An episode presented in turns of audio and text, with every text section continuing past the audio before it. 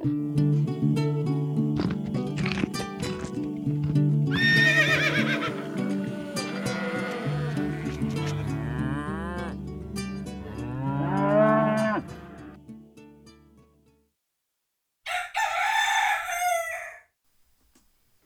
hei! Hallo!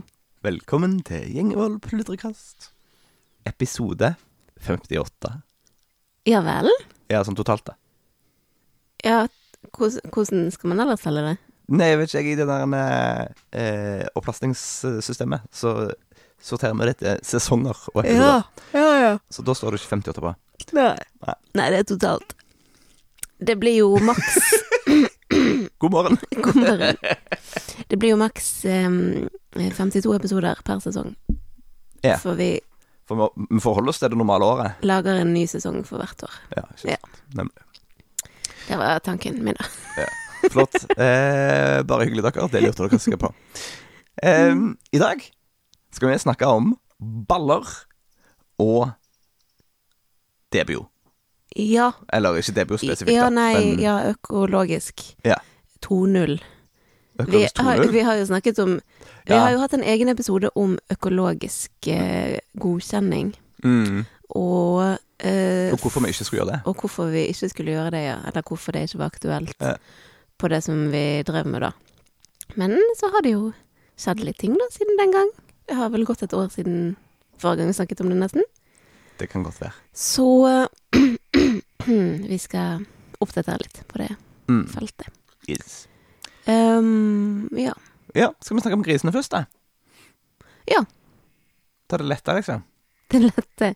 Ja. Eh, nei, eh, Grisene våre har fått eh, sprøyter. ja, Tidligere i uka så ble eh, fikk rånene be- begynnelsen av sin eh, sterilisering. Eh, det er sånn at alle råner, altså hanngriser, de blir steriliserte. Eh, eller kastrerte.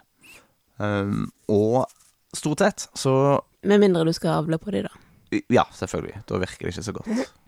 Veldig frustrerende for alle parter, egentlig. Så, så, ja. Men eh, Nei, altså, det er to grunner, tror jeg, så vidt jeg, ja, så vidt jeg vet, til at en gjør det. Uh, det ene er en sånn atferdsting. At uh, hanngriser med masse testosteron uh, kan være litt voldsomme. Mm. Uh, og da spesielt eh, i industrien hvor de står tett på bås, så kan det føre til ganske mye stygge slåsskamper og sånt. Ja. Alle dyr blir jo eh, mer aggressive når de har liten plass. Hos oss så har de ikke det. Eh, hos oss har de god plass. Ja. Mm. Her springer de rundt og koser seg. Så det vanlige er jo da at i løpet av de første par ukene så snippes testikler og greier. Utstyret tas eh, hånd om ja på, eh, på fysisk eh, vis. på fysisk vis. Altså snipp, snipp. Mm. Um, og da skal du ha en veterinær eh, med på det. Jeg er usikker på om de må gjøre hele greia, men de, skal i alle fall sette bedøvelse og sånt. eh, For å få lov til å gjøre det inngrepet. I gamle dager så gjorde de jo ikke det engang. Da sa de ja, nei, men se når de reagerer, så de bare springer, og da er det fint, mens det blødde ut av baken der. Så ehm, nå driver hun ikke med det lenger, da. Nei, Det er jo fint. Men eh, det er et alternativ som vi vurderte dit hen at var lurt. Og det er kjemisk kastrering, som da tas når de er type kjønnsmodne, eller nærmer seg. Mm. Um, ja, jo Ok, sånn, dette har ikke jeg sortert i hodet mitt helt skikkelig. Men eh, poenget er jo, for det er to poeng, to grunner til at vi har lyst å kastrere dem. Mhm. Og Hvis det bare var atferd, så hadde det ikke vært nødvendig for oss, fordi vi har så god plass, og de får så god stimuli, at de oppfører seg. Men så er det det som heter rånesmaken. Og det er liksom typisk alle disse hanndyrene som driver rundt og er, er ø, ø, seksuelt aktive. De får en sånn ekstra beskesmak. Og rå, eller kan få, det er poenget. Fordi denne rånesmaken, som det heter, kalles Vet ikke hva det egentlig heter. Nei da, det kalles det. Det kalles det. Um, den er det bare en liten andel av befolkningen som legger merke til. Mm. La oss for regnestykkets uh, del si 10 da. Jeg tror ikke det er så mange engang. Jeg tror det er færre enn 10 Og så er det bare en liten andel av rånene som utvikler det. Ja, så det er jo egentlig en forsvinnende liten sjanse for at man skal smake en usmak på rån. Men fordi Eh, Men de som, noen få ja, og de som det. får den opplevelsen, syns det er helt forferdelig. mm. Eh, sånn at eh, eh, oss griseprodusenter tar på en måte ikke sjansen da på at noen skal At det, kjøttet ikke skal bli bruende da, på det. At Nei. det skal bli den typen svinn. Så selv om det forsvinner en liten sannsynlighet for at det blir trøblete, så tar vi forhåndsregler. Og da har vi tenkt dit hen at istedenfor at det er litt så stakkars Er ikke det små forholdsregler? Hva sa jeg?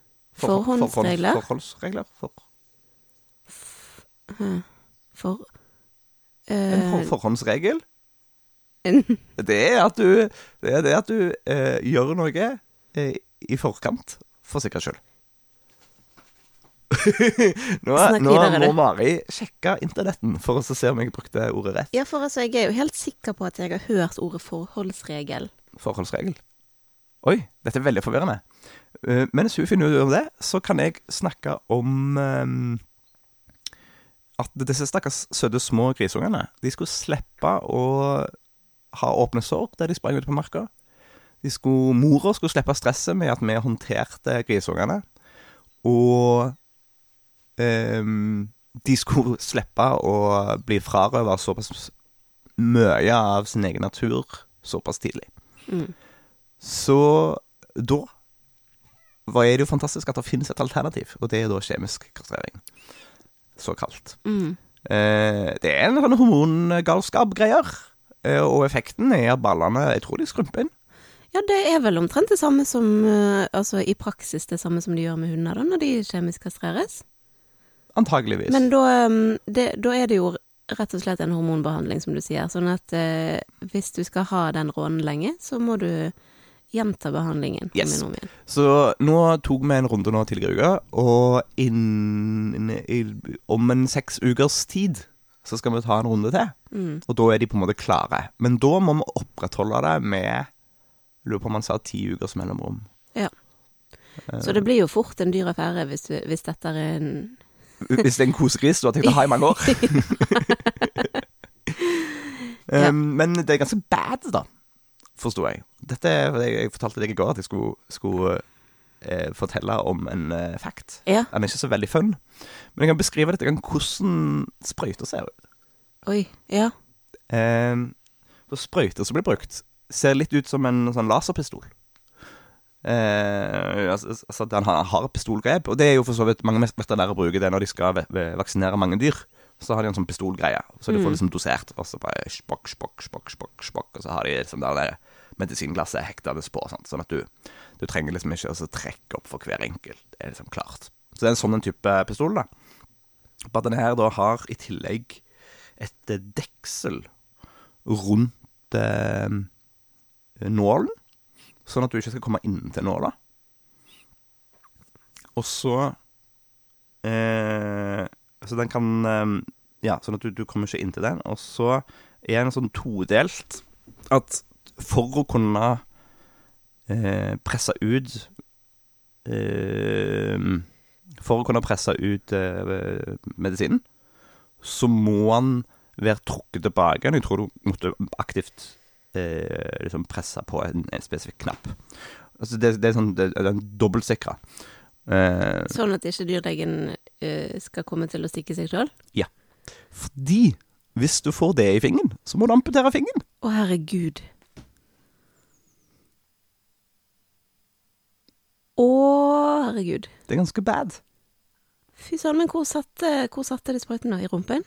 Nei, i nakken. De må ikke amputere nakken på grisen. Nei, altså her er jo griser og mennesker ganske like, men vi er forskjellige. Sant? Så det er forskjellige fysiologi. Eh, medisiner fungerer annerledes. Det å bruke dyremedisiner på folk er skikkelig dumt. For det, det fungerer ikke på samme måten.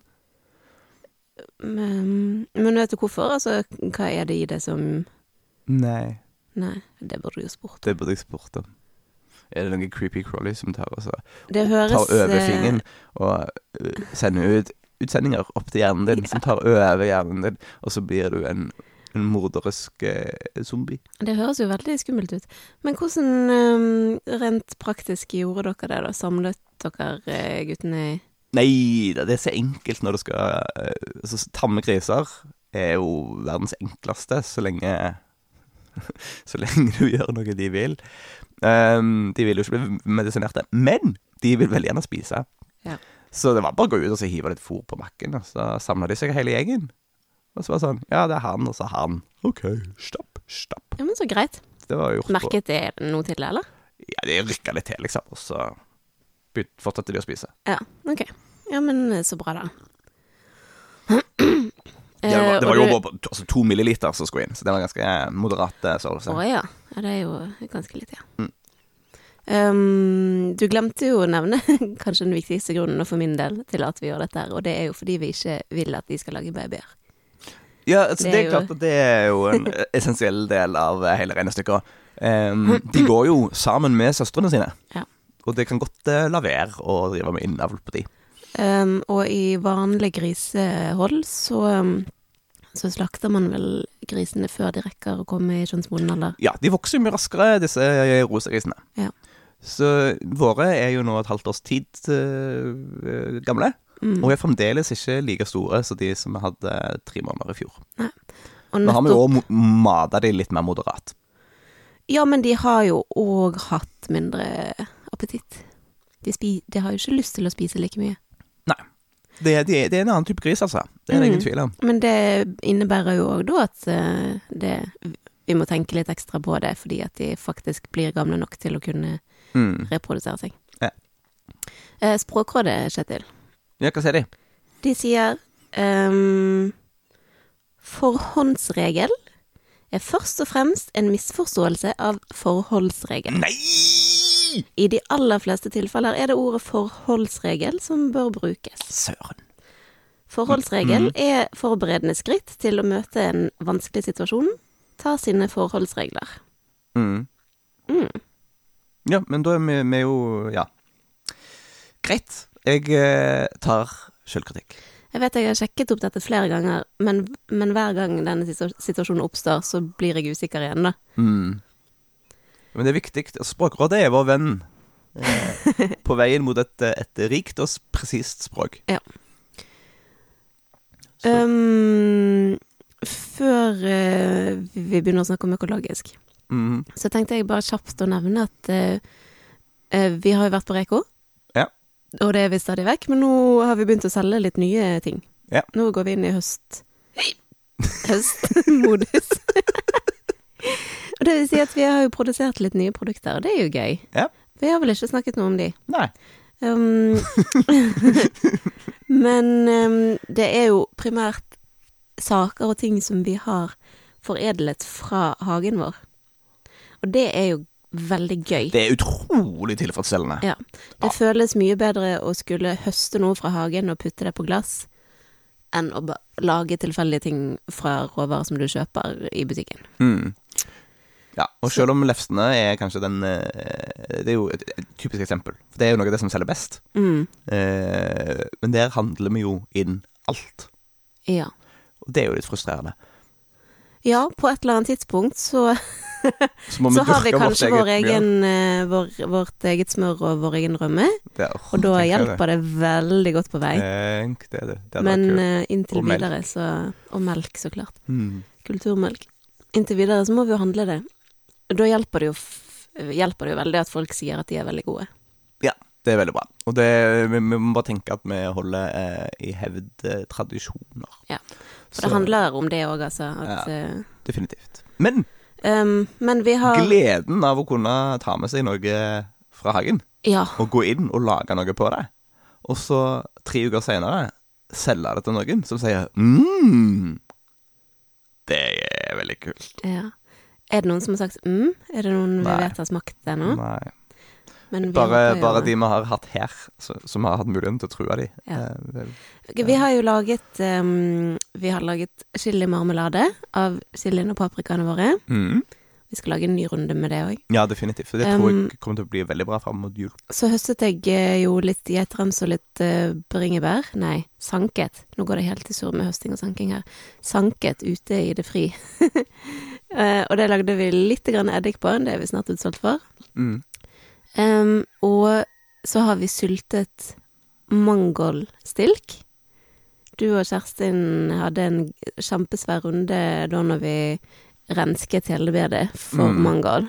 Yes. Og både forvellet til den store gullmedaljen selve bladene, og lagde sultemangol på stilkene. Ja, så det sulta til Selme, og det får vel ta med til eget bruk. Mm. Nå har vi jo mangold til hele vinteren. Det er veldig stas. Mm. Og det har vi begynt å selge. Og så har vi jo laget eh, massevis av sylteagurk. Mm. Og det blir det mer av. Det blir det også mer av, fordi det drivhuset det leverer fremdeles. Det er jo forhåpningen at det skal bli den store salgssuksessen. Stor. Ja, vi Eh, håper folk syns det er godt, da, for de er jo um, Mm, De er mye syrligere og friskere enn det du f får kjøpt i butikken. Vi lager det på eplesidereddik, sånn at de får eh, litt friskere smak derfra. Mm. Eh, og så er det en litt sterkere blanding enn eh, vanlig blanding. Ja, det kan man trygt si. Eh, sånn at ja, de òg, når vi har sm smakt på de sånn etter et par dager, etter ei uke, etter to uker, så er det liksom først etter tre uker at de virkelig setter seg. Ja. Det Så derfor har ikke vi begynt å selge det ennå. Fordi vi venter på at de skal få riktig smak. Så vi lagt urtesalt. Ja, av, av alle urtene som vi har høstet og tørket eh, gjennom sommeren. Mm. Basilikum og timian og en del skvallerkål og litt sånn forskjellig. Det, Og det funker det blir jo- veldig godt. Det er jo en Swiss Army-krydder. Ja, det funker til alt, egentlig. Ja, veldig, veldig på hint. Så løp og kjøp. He, he. Um, og så Og eh, et veldig eksklusivt antall glass med tørket tomat. Ja. Det er veldig, veldig, veldig godt. Eh, og det er jo òg populært. Men det tar jo veldig mye tid og tomater å lage. Nei, det gjør det faktisk. Det gjør faktisk ikke det. Synes Jeg er det? litt uenig med deg, for okay. jeg syns det er ganske enkelt å lage. Og det kommer egentlig ganske mange glass hvis du faktisk får fylt en dehydrator. Men, um, men problemet vårt er jo at vi har hatt så lite tomater. Ja, jo da. Det, Men nå har det begynt å komme. ja. Jeg har jo høstet flere ganger de siste dagene, så det, mm, det kommer eh, Jeg tror det kommer en del til før. ja, men vi er ikke, er ferdige. Det er vi ikke. Men eh, det er ingen tvil om at vi på en måte mista det store rushet. Fordi vi var litt Ja. sent ute. Ja. Så der, der hvor vi så at det, det ble mer og mer og mer og mer store grønne tomater. Og liksom gikk og bare venta på Er det i dag de skal eksplodere. Er det, er det i dag? Er det sånn? Kom aldri den eksplosjonen, med. Nei, men kanskje den kommer i helgen, når du er borte. Nei, det får han ikke lov til. Nå er vi ferdige. Uh, det, det er ikke greit.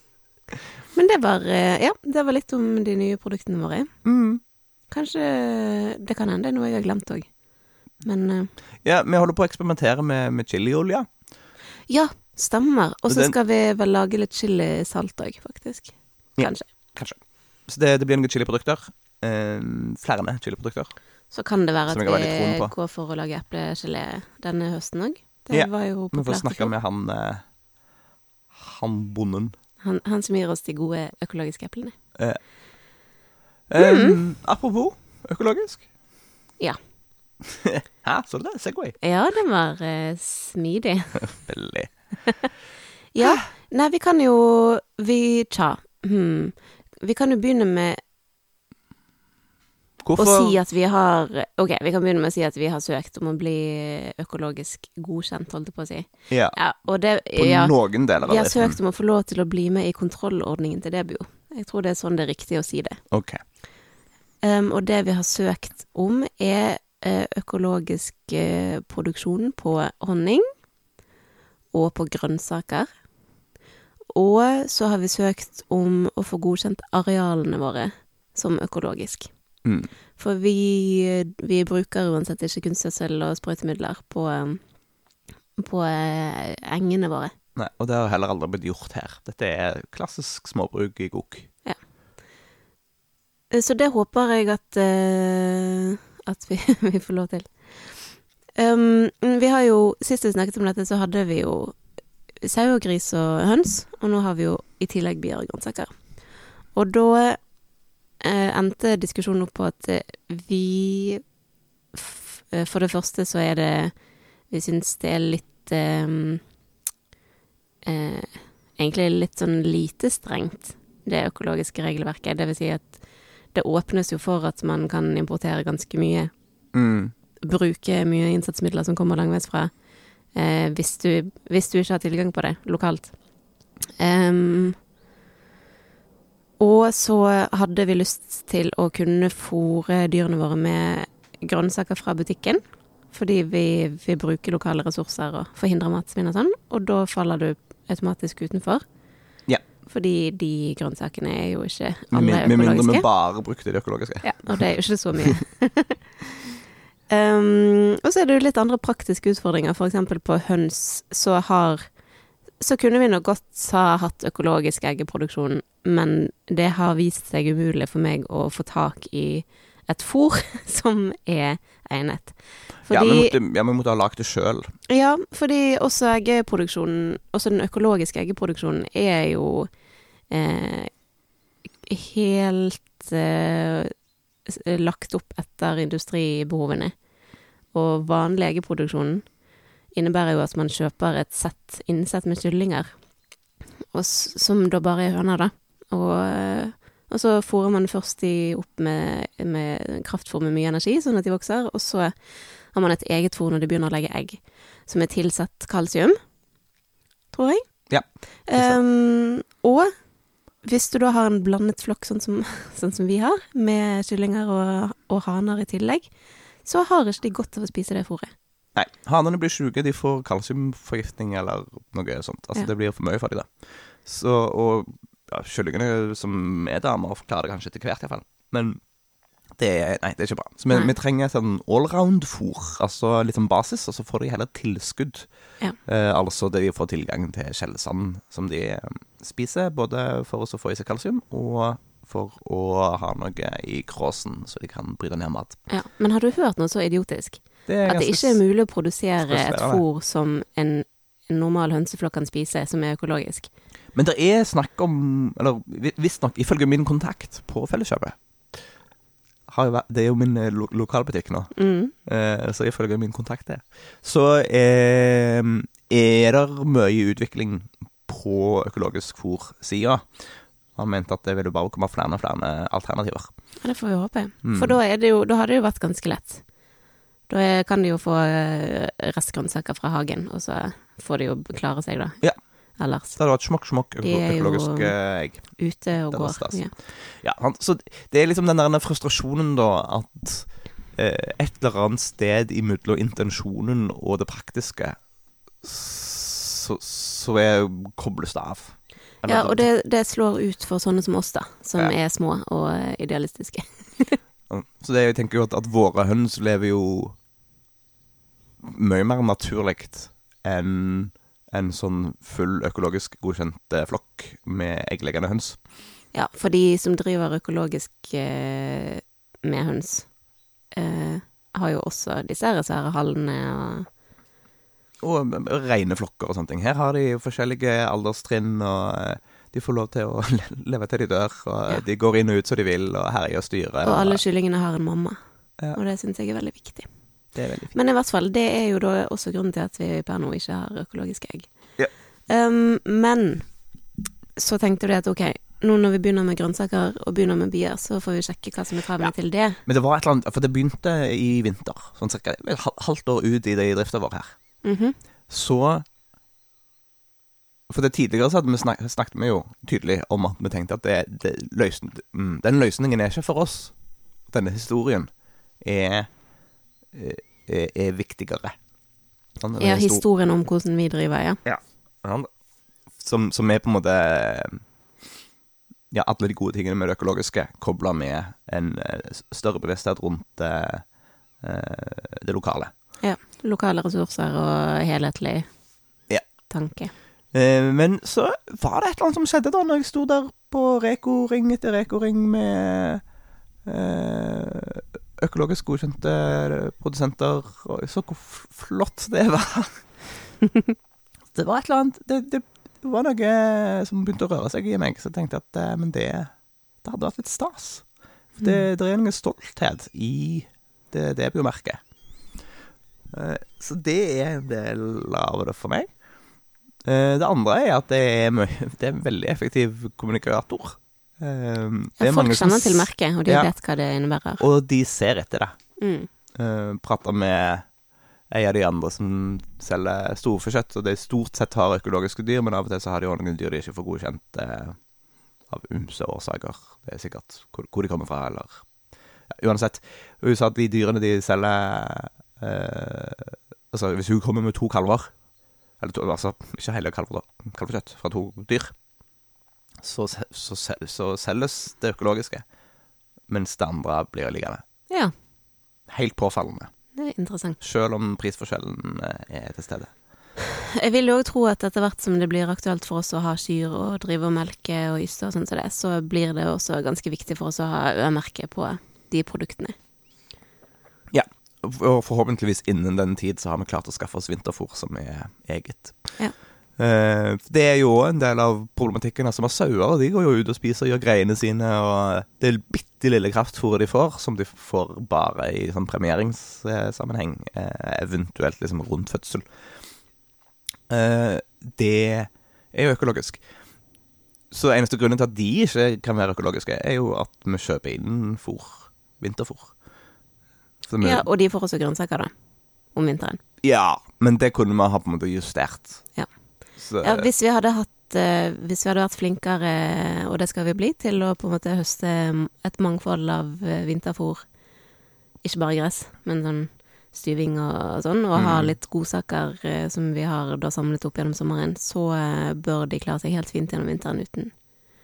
ja, ja, uten problemer. Og nå, nå når vi har helårsgris, så kan jo de ta seg av grønnsakene. Mm.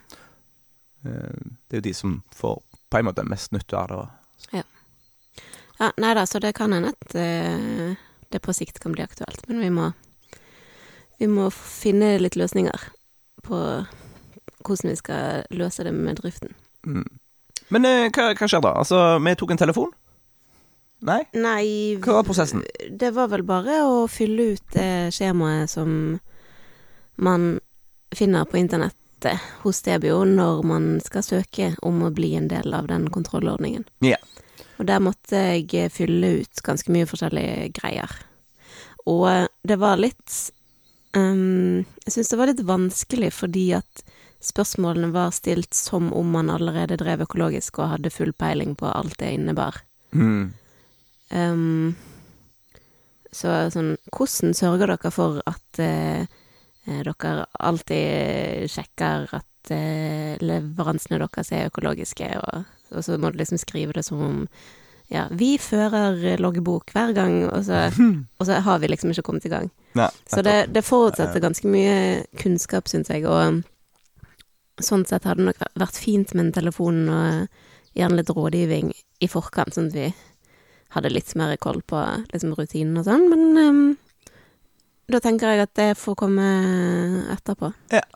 Tenk at det Når de kommer på revisjon og sånn, så Mm. tipper jeg vi også kan få litt rådgivning, da. Ja, jeg vil tro det. At de vet veldig godt at de kommer til ferske folk. Også. Ja. Fordi, ja, for da, da sendte vi inn skjema, og så fikk vi en automatisk eh, e-post som sa innen to uker så jeg tar en rådgiver kontakt med dere Ja. og avtaler revisjon. Og det var vel en måned siden, eller noe Eh, sånt. eh. Og så plutselig så ringte telefonen i går.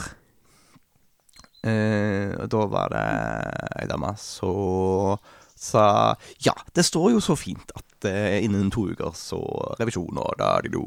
Men eh, det er litt lenge kø nå. Eh, Betyr det at det er mange som vil legge om til økologisk nå? kanskje. Det hadde vært fint. Det hadde vært veldig fint. Eh, så basert på hva dere vil legge om, så er det ikke viktig. Eller hun spurte meg, da. Jeg kunne velge om det var viktig eller ei. Eh, men det er ikke viktig å få den revisjonen umiddelbart. Eh, vi kan ta den ut på nyåret. Fordi du blir da underlagt karenstid. Karens. Karenstid. Går er i karantene. Men det er ikke Vi får lov til å dra Det til for dust. Og vi får lov til å selge ting. Og vi får lov til å selge ting. Eh, så poenget er bare at det er en periode, en overgangsperiode, hvor du driver økologisk før du får lov til å si at du er fullverdig økologisk. Mm. Men du har lov til å si at du driver i du- karens. Ja. Så det, det er litt sånn Ja, du får lov til å si at du er aspirant. Du er aspirant og gjør alt riktig.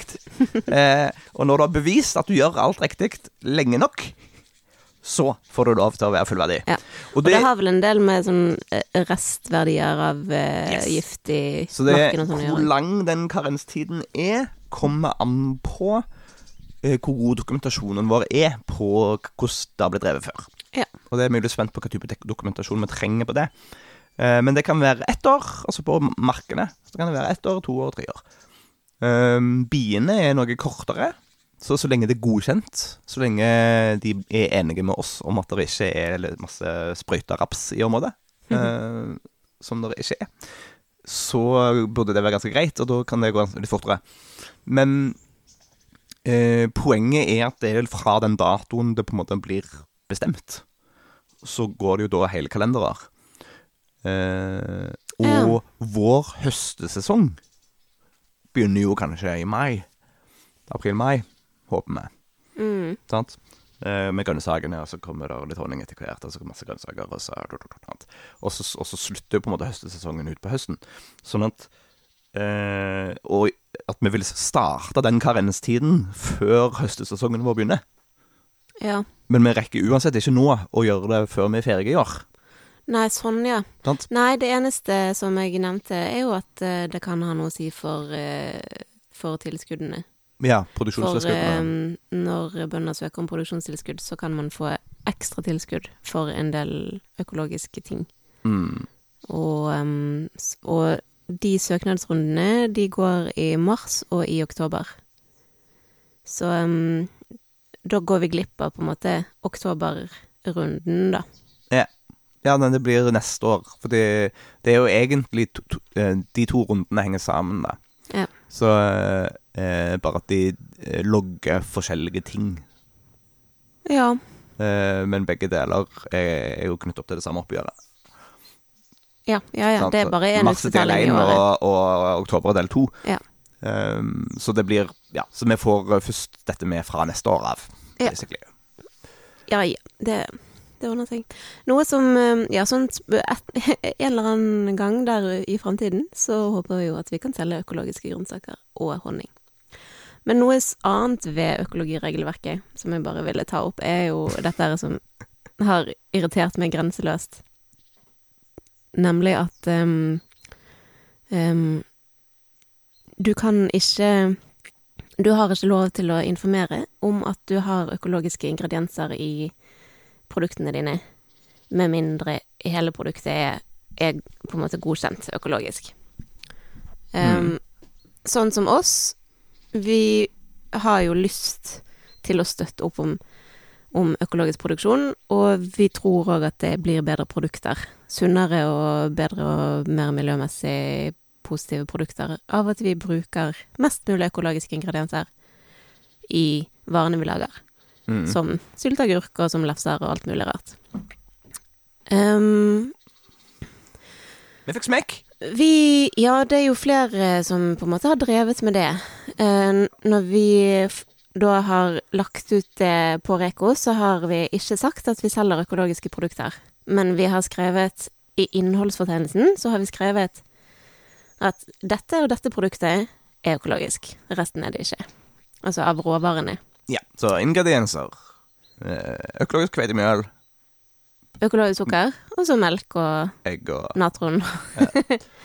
Em, og det um, Hvis man skulle Og jeg er jo helt med på at selvfølgelig skal man ikke si at dette er et økologisk produkt, hvis ikke alle, alle ingrediensene er økologiske. Men jeg syns det er veldig strengt å ikke kunne informere om at enkelte av produktene i At enkelte av råvarene i produktet er økologiske, når de faktisk er det. Fordi det gjør jo at eh, sånne som oss, vi har ikke noe in insentiv for å handle økologiske råvarer, sånn at det blir mindre handel. og de forbrukerne som jo er opptatt av økologisk, og som gjerne kanskje ville valgt litt dyrere lefser med økologisk hvetemel framfor eh, ikke-økologisk hvetemel fordi at de er opptatt av økologisk, de har jo heller ingen mulighet da, til å få vite at dette faktisk er økologisk. Ja.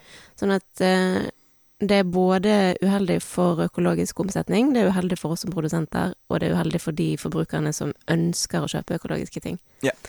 Men eh, vi fikk smekk fordi det oppleves villedende, eh, og for å beskytte de som Altså eh, verdien i det økologiske varemerket. Ja, um, problemet vårt er jo det at um, det, dette regelverket er på en måte tilpasset uh, store produsenter. Mm.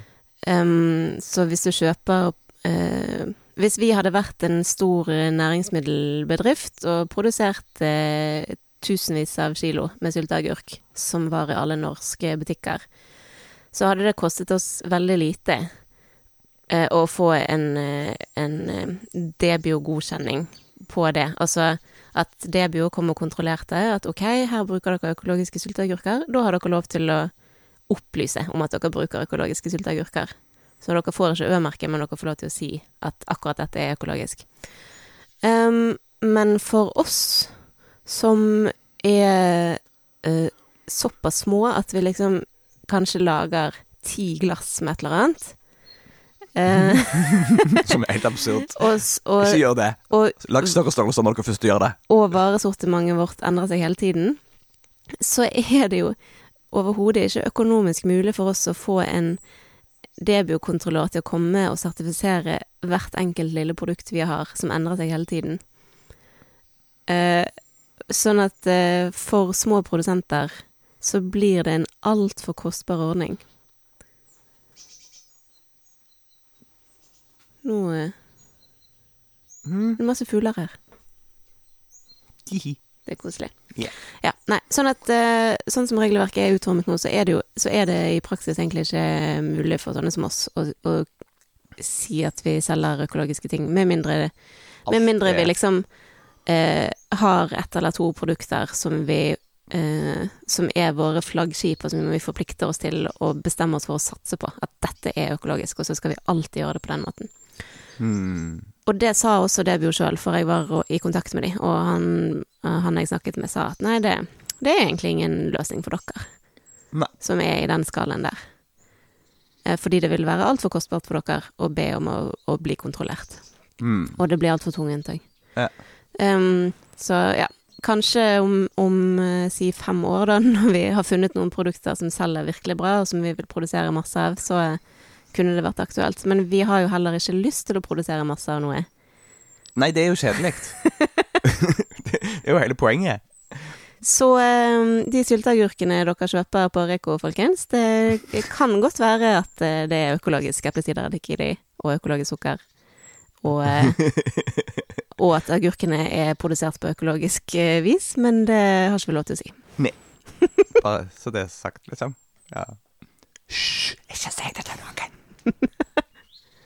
Nei, men jeg tenker at det får være grenser for hvor Altså hvis, hvis noen spør meg hva ha- ha- er det økologiske ting i dette, her, eller hvordan har du produsert det, så syns jeg at det blir veldig tullete hvis jeg skal drive og lyge og si Mm. Nei, kanskje vi har, men jo, jo, det, men det, og det er jo Ja, det er jo der jeg gleder meg til å kunne ha Ha det debutmerket eh, på mange andre ting. For det er jo stadig spørsmål. Mm, Eh, og da må jeg jo forklare at det er ikke så enkelt. nei. nei, men det er jo et poeng det hvis vi hadde hatt Ø-merke på grønnsakene våre, eksempel. Så tror jeg nok at mange får et inntrykk Det av oss basert på det. At Ja, ok, det ja, men da sier er jo noe om den generelle tanken Ja. i drifta. Uh, så jeg må jo forklare at han grisene Jo da, de, de får kraftfôr, altså. Uh, men de spiser òg grønnsaker og springer rundt og gjør greiene sine. Sammen med hønene. Og de Eh, grisene får jo også økologisk kraftfôr. eh, som dessverre er tilsatt litt soya. Eh, Ja. Som er en av de trøblete greiene. Men vi håper at vi får til bedre, en bedre løsning der etter hvert. Ja, sant. For å finne kraftfôr som både er økologisk og lokalt, Ja, altså det er, det er en variant som det går an å skaffe. Problemet er at vi bor inni en vei litt sånn langt inn i Gokkegokk, eh, og har ikke så mange griser, så, så kjøpe For der kan du bare kjøpe i stort. Ja. Eh, og å kjøpe så mye fôr eh, om gangen er både vanskelig å få inn og eh, vanskelig å få brukt opp før det blir dårlig. Ja. Så eh, Nok et eksempel egentlig på at systemet ikke er rigget for småskalaprodusenter. Definitivt. Det hadde vært mye rimeligere for oss hvis vi hadde gått for en sånn stor sekk. Men eh, ja, må tenke litt på det. Etter hvert som vi får mange griser, så kan det være at, kanskje, at kanskje økonomien gir mening. Eh, for da bruker vi det kanskje opp, faktisk. Ja, Men vi trenger jo plass òg, da. Til å Ja. oppbevare den svære Vi sekken. må lage, da må vi lage en eller annen fòrsilo som vi klarer å Altså det er liksom Få det opp på en henger, det får jeg jo gjort der hvor jeg kjøper det. Eh, og så må jeg kjøre det hjem, og så er det hvordan å få det av hengeren. Nei, da må jeg bruke noe talje- og vinsjsystem, da. Ja. Eh, eller rygge inntil hvor, hva det skal være oppi, og så snitte sekken så det bare ramler ut. Ja. Og så står vi med spade. Og så, altså, det er ganske mye Det er litt mas, da. Ja. Um, Og hvis du da eh, si bruker en uke med arbeid og kanskje noe penger på å bygge en løsning, så kan man jo da tenke seg til hvor mange år må vi drive med gris for at den utgiften på en måte skal ja, det er et poeng. spare seg inn. Det, det regnestykket der er slitsomt. Det har vi hele tida. Ja. er, det, er det verdt å gjøre sånn, eller sånn? Er det vits også, eller Ja, kanskje det er verdt å putte litt mer penger på hver 25 kilos sekk, istedenfor å bygge seg en silo og Mm. stresse med den store sekken. Ja. Nå er det en stund siden jeg har sett på differensen i pris, da, så det kan, det kan jo være verdt å sjekke. Ja. Um, anywho, Anywho, det tror jeg var det. Ja. Sånn for denne gang. jeg skal på kurs. Du skal på kurs, Det kan jeg snakke om neste gang. Hva Eh, skal du på kurs i? Jeg skal på kurs i eh, foredling av eh, grønnsaker. Det blir veldig gøy. Så det, det er eh, Nofima, som er en sånn forskningsinstitusjon eh, eh, som er eid i stor grad av delvis av departementet og delvis av landbruket. eh, som da leverer forskning på matproduksjon. Eh, men som òg nå tydeligvis driver med rådgivning eh, og kursing av lokalmatsprodusenter. Dette det er et kurs spesifikt retta mot lokalmatsprodusenter eh, i grønnsaksforedling. Det er kjempebra. Så det blir spennende. To dager. Vi får se om jeg lærer noe. Ja. Ah. OK, men uh, da pigger vi. Yes. Kos dere. Ha en fin uke. Woot woot!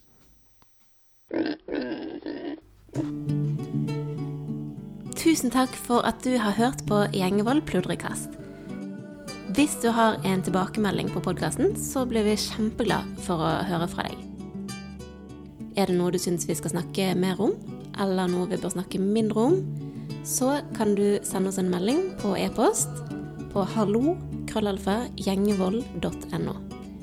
Du kan også komme i kontakt med oss på Facebook på Gjengevold mangesysleri, på Instagram ett mangesysleriet, og på nettsidene våre gjengevold.no.